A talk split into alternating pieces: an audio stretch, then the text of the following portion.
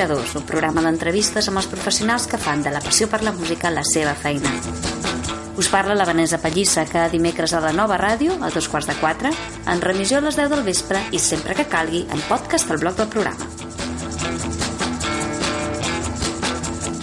Avui parlem amb en Roger Vidal, de The Musical, productor d'esdeveniments i festivals com el Musicat de Badalona, però sobretot manager. Estic segura de que coneixeu a Miquel Abres o a Cesc Freixes, l'artista qui dedica més hores al nostre convidat d'avui. El Roger reivindica en l'entrevista la idea de que la música ha de ser el motor del sector, independentment d'on i com es faci aquesta música. Una ullada al dia a dia d'un mànager dedicat i sòlid, digne reflexe de les qualitats d'un bon conspirador.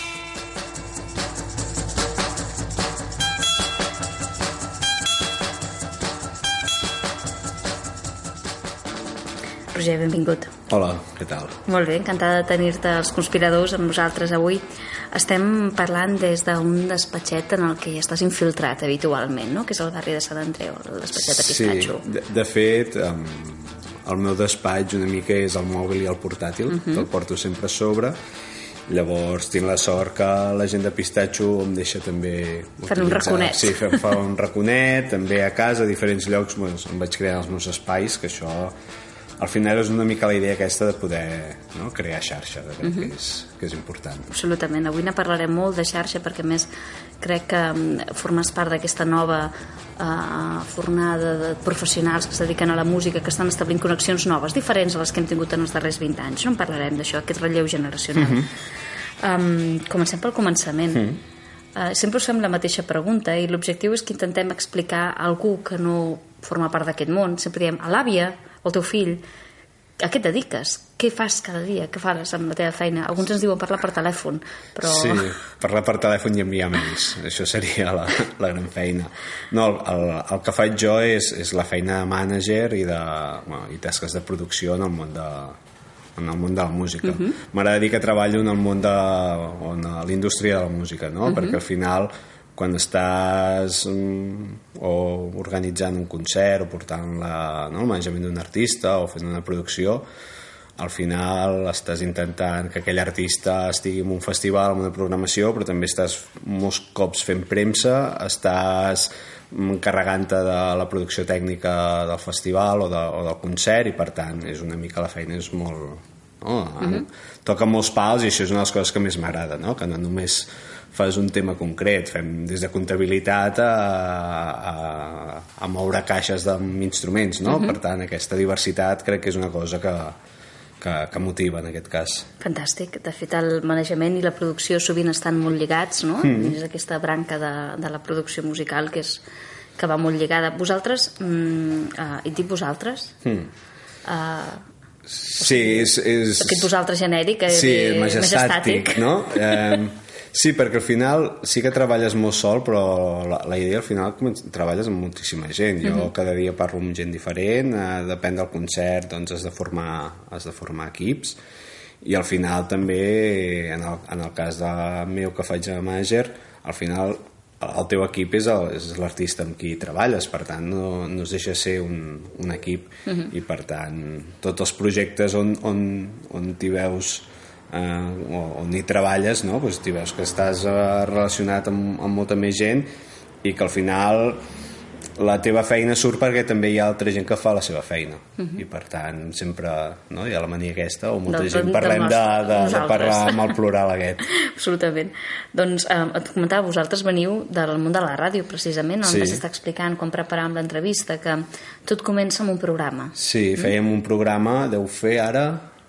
uns 10 anys o així, o una mica més, que fèiem un programa a Badalona, a la ràdio d'allà, amb, amb un altre noi, i, i el programa ens trobàvem una mica de, anàvem fent entrevistes i parlàvem de l'agenda no? i veiem que en, en aquest cas en música en català a la ciutat de Badalona en el seu moment no hi havia res, sempre quan fèiem la secció de l'agenda sempre havíem de parlar si volíem anar a algun concert havíem de marxar de la ciutat i vam dir, doncs, perquè no, no, no ho creem nosaltres, no?, la, mm. aquests concerts i que la gent no hagi de sortir de la, de la ciutat per anar a, a veure artistes eh, catalans al moment. Un pensament ingenu i l'ús. Bueno, de, de tenir ganes, no?, mm -hmm. I, i de fer coses per la ciutat, que al final crec que també és important, no?, que qualsevol objectiu o, o, o sigui empresarial o personal tingui aquesta vinculació també un, amb, amb una vessant més social, no? en aquest cas en crear un circuit cultural a la ciutat de Badalona. Uh -huh. Ens vam tirar a la piscina i, i ara diguéssim aquest 2016 ara fa un, un parell de mesos vam acabar la vuitena edició i estem preparant la novena uh -huh. m'explicaves que el primer artista l'enamorament inicial mm -hmm. és amb Miquel Abres sí, perquè ell ens va donar la, la, la possibilitat no? amb en Miquel l'havíem entrevistat molts cops a, uh -huh. al programa de ràdio quan vam fer el, per primer cop el festival aquest el Musicat eh, va ser un dels artistes que, que van voler que vingués perquè hi havia molt bona relació i a partir d'aquí va ser com va funcionar molt bé els concerts i la idea teníem, ostres, i si li trobéssim algun concert a Barcelona o algun lloc, ell sí, sí vindria li vam anar a fer la proposta i ell va dir que sí, evidentment, però que ell anava un pas més enllà i era buscar-me bolos, per tant, uh -huh. sigueu els managers. Uh -huh. Va ser una època que s'havia de combinar no? les feines que tenia aleshores, amb el programa de ràdio, amb buscar bolos, però després, quan ell... Això estava al segon, al segon any de la seva gira, o al tercer, uh -huh.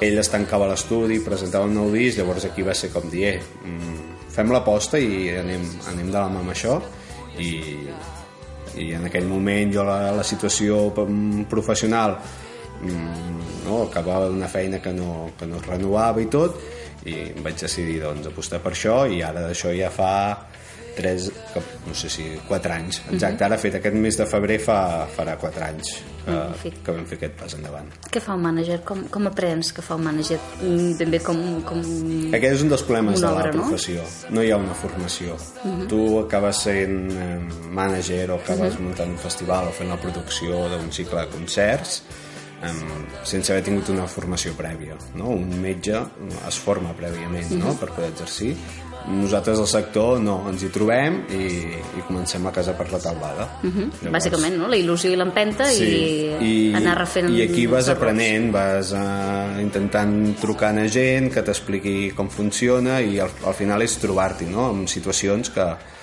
que a base de cops molts cops aprens i, però al final és això, és la il·lusió i les ganes d'aprendre i, i d'intentar també abans ho comentaves, no? fer un canvi de mentalitat amb, amb empreses de manejament o, o, o productores um, en èpoques que, doncs, que hi havia més patrocinis o més diners destinats a, a través de les institucions públiques mm, jo em vaig començar a dedicar així més professionalment en, en buscar bolos, intentar entrar a festivals fa 4 o 5 anys, que era plena crisi i per tant ja el, el canvi de mentalitat ja hi ha hagut de, de ser des d'inici uh -huh. i al final és això és, és intentar aprendre de, de cada detall de tots els bons professionals que hi ha en el sector, que hi ha molts però també d'aprendre no, de, de, de les males praxis que, uh -huh. que hi ha i que continuen havent i que una mica amb molta gent que parles del sector, que també fa més o menys els mateixos anys que, que ens hi dediquem, veiem que s'han d'anar canviant i que la, les maneres de comunicació entre nosaltres ja ens porten a dir que, que a poc a poc el sector haurà d'anar canviant per una manera tot molt més transparent, més planera al final tots ens coneixem no? I, i el, el que hem de fer és crear un, un, un sector no? que sigui digne de treballar-hi, que es cuidin els, els artistes, les condicions laborals, que sigui reconegut i per fer tot això potser sí que ens fa falta que hi hagués més, una formació més, més professionalitzada? Sí. Que eviti la ferocitat del negoci? Sí, perquè ara, per exemple, sí que hi ha alguns cursos postgraus, no? Uh -huh. un any, que sí que t'ajuden a, a formar-te, però no hi ha res de base. Uh -huh. no? Inclús amb els tècnics eh, dels ajuntaments tampoc hi ha una formació clara uh -huh. sobre un, sí que tècnics de cultura, però el que fa relacionat amb el món de la música tot és molt, uh -huh. és molt autodidacte hi ha tot el llibre d'altes de seguretat social que en funció de qui preguntis et diu una cosa o una altra, una altra exacte. Uh -huh. llavors crec que bueno, això de, el sector s'ha de replantejar uh -huh. ne parlarem més d'això després d'escoltar la primera cançó que ens has triat avui sí, la primera ho comentàvem no? la primera persona que va donar l'oportunitat va ser, va ser en Miquel i en Miquel Arbres té moltes cançons totes parlen de, d'amor, però hi ha una que és el primer disc que es diu Fent Camí, que crec que és la, la cançó que al final... Eh, ell potser ni ho sap, però el defineix més a ell i defineix més la, la carrera musical mhm. d'un uh -huh. músic o d'un artista. Magnífic, l'escoltem. I tant. Fent camí Fent camí Fent camí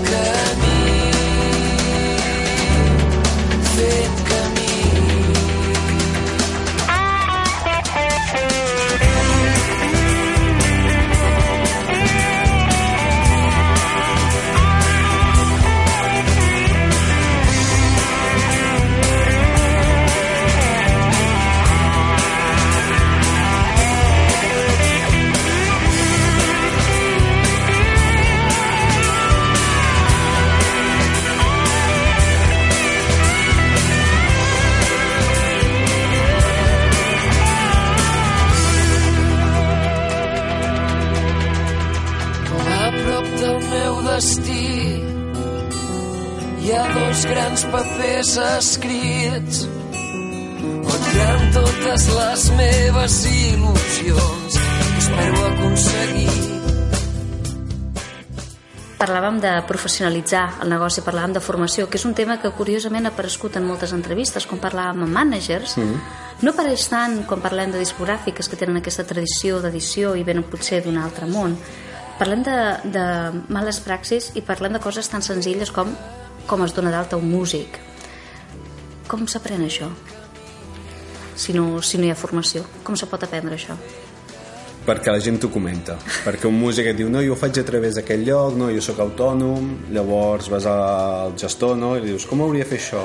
llavors ells et diu la seva versió i al final acaba sent una mica el que veus que la majoria de gent fa, no? Això ja. és terrible, perquè som tots uns analfabets comptables, mm. la gent que ens dediquem al món de la música. És, és per això, llavors això és un cas eh, de, la, de la formació, però l'altre és com els cops si trobes, no? que de vegades eh, treballes amb equip per presentar projectes i sempre, el, el, mhm. el, en aquest cas, o qui té els diners, per dir uh -huh. així, mhm. pot ser un ajuntament, uh mhm. -huh. un festival, que és, sempre intenta aviam si troba una via alterna per arribar, no? Uh -huh. Molts cops el que ens trobem és que molts ajuntaments o programadors, festivals, envien directament el mail eh, que troben a la web un genèric, que molts cops és el de comunicació o premsa o que molts uh. -huh. cops l'artista rep perquè s'ho gestiona ell mateix el tema comunicatiu per no haver-ho d'enviar en el mail que clarament a la web posa contractació, no? Uh. -huh. I ella no ho envia, no ho havien abans a l'altre mail, aviam si així s'estalvien la, no? la, la, la comissió, comissió del mànager. I, I no és així, no? Això uh. -huh. també s'hauria d'ensenyar, no? Uh -huh. Perquè molts cops són la mateixa gent del sector o que de forma desinteressada munta concerts, però que també, encara que sigui de forma desinteressada altruista, perquè és per la festa major i és una uh. -huh. entitat sense lucre, també hem de ser reals, forma part de la indústria, perquè mhm. està organitzant una part.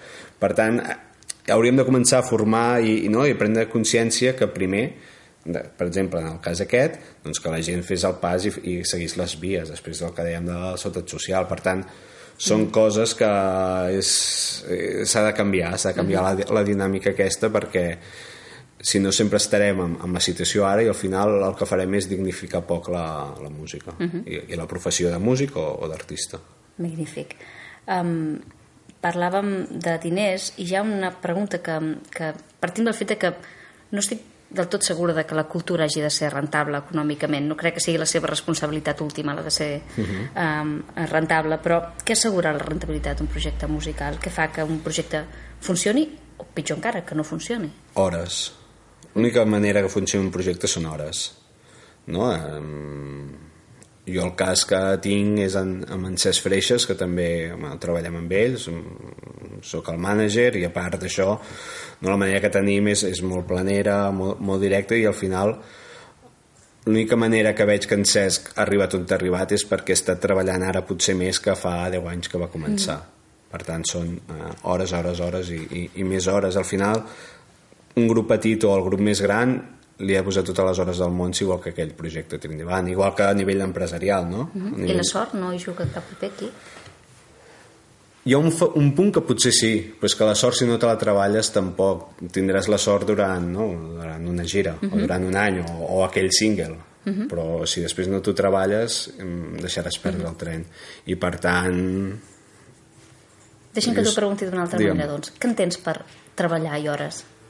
No, és jo crec que és estar pensant tota l'estona uh -huh. amb, amb el projecte jo sigui un dissabte, un diumenge, un dilluns un dimarts i estic al cotxe amunt i avall jo vaig pensant i m'hen idees i penso, ostres, podria fer això? I jo mateix em dono... no, al, al final la, la, les hores en aquest sentit és això és estar pensant amb el projecte intentar què pots millorar, quines coses noves pots fer amb, amb què has fallat i com ho faries la següent vegada no? o, i, és important reconèixer els errors de dir, ostres, aquí mm, o aquesta negociació per aquest festival no la vaig fer bé o realment eh, la producció va ser molt dolenta perquè mm, vam arribar allà i no hi havia un camerino i hauria d'haver hagut un camerino. Uh -huh. coses d'aquestes. I al final és, és això és, si el projecte és personal i és el teu propi projecte amb, el que necessites són això, són anar parlant, parlant amb tu mateix, diguéssim, i constantment anar, anar pensant en idees, i llavors si tens una sort que tens alguna xarxa propera, no? De, Per rebotar aquestes o, idees? De, sigui familiar o de col·legues de professió, no? I els, els hi fas allò... He pensat això, què et sembla? De vegades et diuen, ostres, sí, és molt bona idea, o de vegades et diuen, Què dius? busca una altra cosa perquè això no, això no sortirà. Magnífic, m'agrada molt aquesta, aquesta explicació que m'has fet del que, del que és la feina d'un mànager, que al final és una barreja d'enamorament i obsessió no? pel treball. És, és sentir-te propi al, al projecte. Uh -huh. O sigui, jo amb els grups que hi treballo m'hi haig de sentir que hi formo part del, del projecte, si no, no té sentit de ser, perquè al final uh -huh.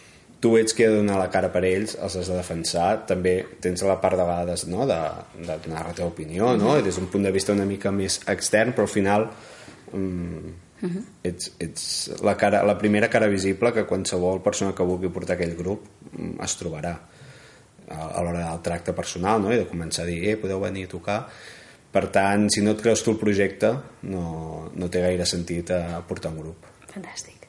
Parlàvem del Cesc, eh, el Cesc Freixes, que em sembla un, un artista curiós per portar perquè entenc que deu ser un paio molt autosuficient. Si pot dir cos, si pot dir alguna cosa, això pots, pots opinar sobre el treball Pues- d'un artista? Sí, evidentment, amb, amb en Cesc ell opina sobre coses que jo faig jo opino sobre coses que ell fa però perquè sí, sí, sí, ens fem cas mútuament. Sí. i a més crec que és la manera nova que s'hauria de començar a treballar. Al final eh, els artistes, en aquest cas els cantautors el seu projecte, clar, més barregen no? el, nom artístic i el personal és el mateix. Per tant, tota la seva vida gira a molts cops entorn a això i que s'autogestioni no vol dir que no pugui treballar amb managers en discogràfiques. Simplement que com que és el seu projecte personal ells han de ser, ells han de ser el, no, el, els, els principals impulsors. I després té un seguit no, de, de gent, d'empreses, etc que el que fem és, és acompanyar-lo. No, amb en Cesc evidentment ens, ens vincula una relació d'amistat molt profunda i aleshores sí que és, és algo més fàcil no, de portar, de, de dir-nos les coses de pensar en idees junts però al final crec que qualsevol artista al final és, és, és una autogestió que el que fa és l'artista després no? acompanyar-se de, de, de bons socis per tirar endavant però això ens estem trobant amb, amb molts grups, siguin petits o grans que cada cop no? cadascú es va creant el, el, els seus equips de treball no? ja no és allò d'agafar una discogràfica una empresa de manejament i que m'ho facin tot i jo vaig a tocar no, no, la gent cada cop vol ser més conscient de, de quins són tots els passos què fan amb els discos que, que graven, no? quin és el circuit i com fan el circuit per trobar bolos i com fan el circuit de la premsa per tant és això, cada cop crec que l'autogestió entesa com a no que un s'ho faci tot, no? que es busqui els bons que es porti a premsa, sinó que sigui conscient de, de tot el que implica no? la, la seva activitat ha d'anar cap aquí i després evidentment per, com qualsevol a les nostres vides persones que volem fer-nos alguna cosa, no? tots ens podríem pintar a casa però molts cops si no tens temps o saps que no et sortirà bé o el que sigui, tu contractes un pintor doncs aquí una mica la, la idea seria aquesta M'agrada la metàfora, molt bé. La segona cançó que has triat precisament és del Cesc. Sí, amb en Cesc i trio la, la intensitat, que crec que és una cançó molt maca i a més explica això una mica, no? que per viure aquesta professió em, i qualsevol, o sigui la professió, o sigui la, la teva vida personal s'ha de viure amb intensitat. Les presons i els seus soldats i m'entrego als braços lliures de la intensitat.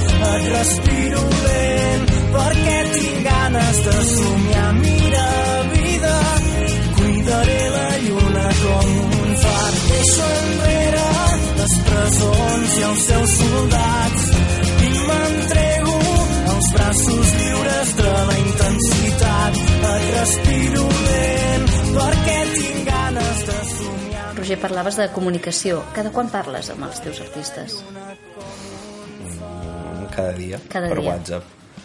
Fas això, els missatges de veu No, que fem ara? missatges de veu no, no havia suporto. aficionat. No ho facis, que és terrible. És una... No suporto, si volen dir-me alguna que truquin, però per exemple amb, amb grups, doncs, no, WhatsApp, encara que siguin per dir tonteries. Mhm. no, ara, per exemple, tenim un grup de WhatsApp amb, amb en Cesc, en Roc Casagran, que s'ha fet un espectacle Mhm. conjunt i jo, i parlem de coses de l'espectacle o del som que tenim i ens en passem articles o de vegades fem bromes alguna foto que hem trobat pel Facebook de l'últim concert que algú està fent una cara no? o en Cesc fa alguna cara o algun gest o en Roc fa algun que llavors ho comentem Uh, parlem de, de territori ara, parlem d'aquí, parlem d'allà.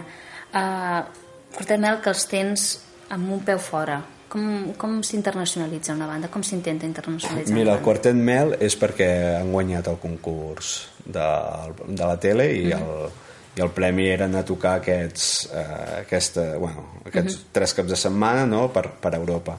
I parlant amb ells, jo no hi he anat a Europa, i, però en parlant amb ells és una mica és un mes a mes això, el concert. Ells no ho tenen, no ho tenen com ostres, sí, ara farem concerts per Europa. No, perquè no és el, no és el territori natural d'on ells ara han pogut eh, fer-se més, més coneguts.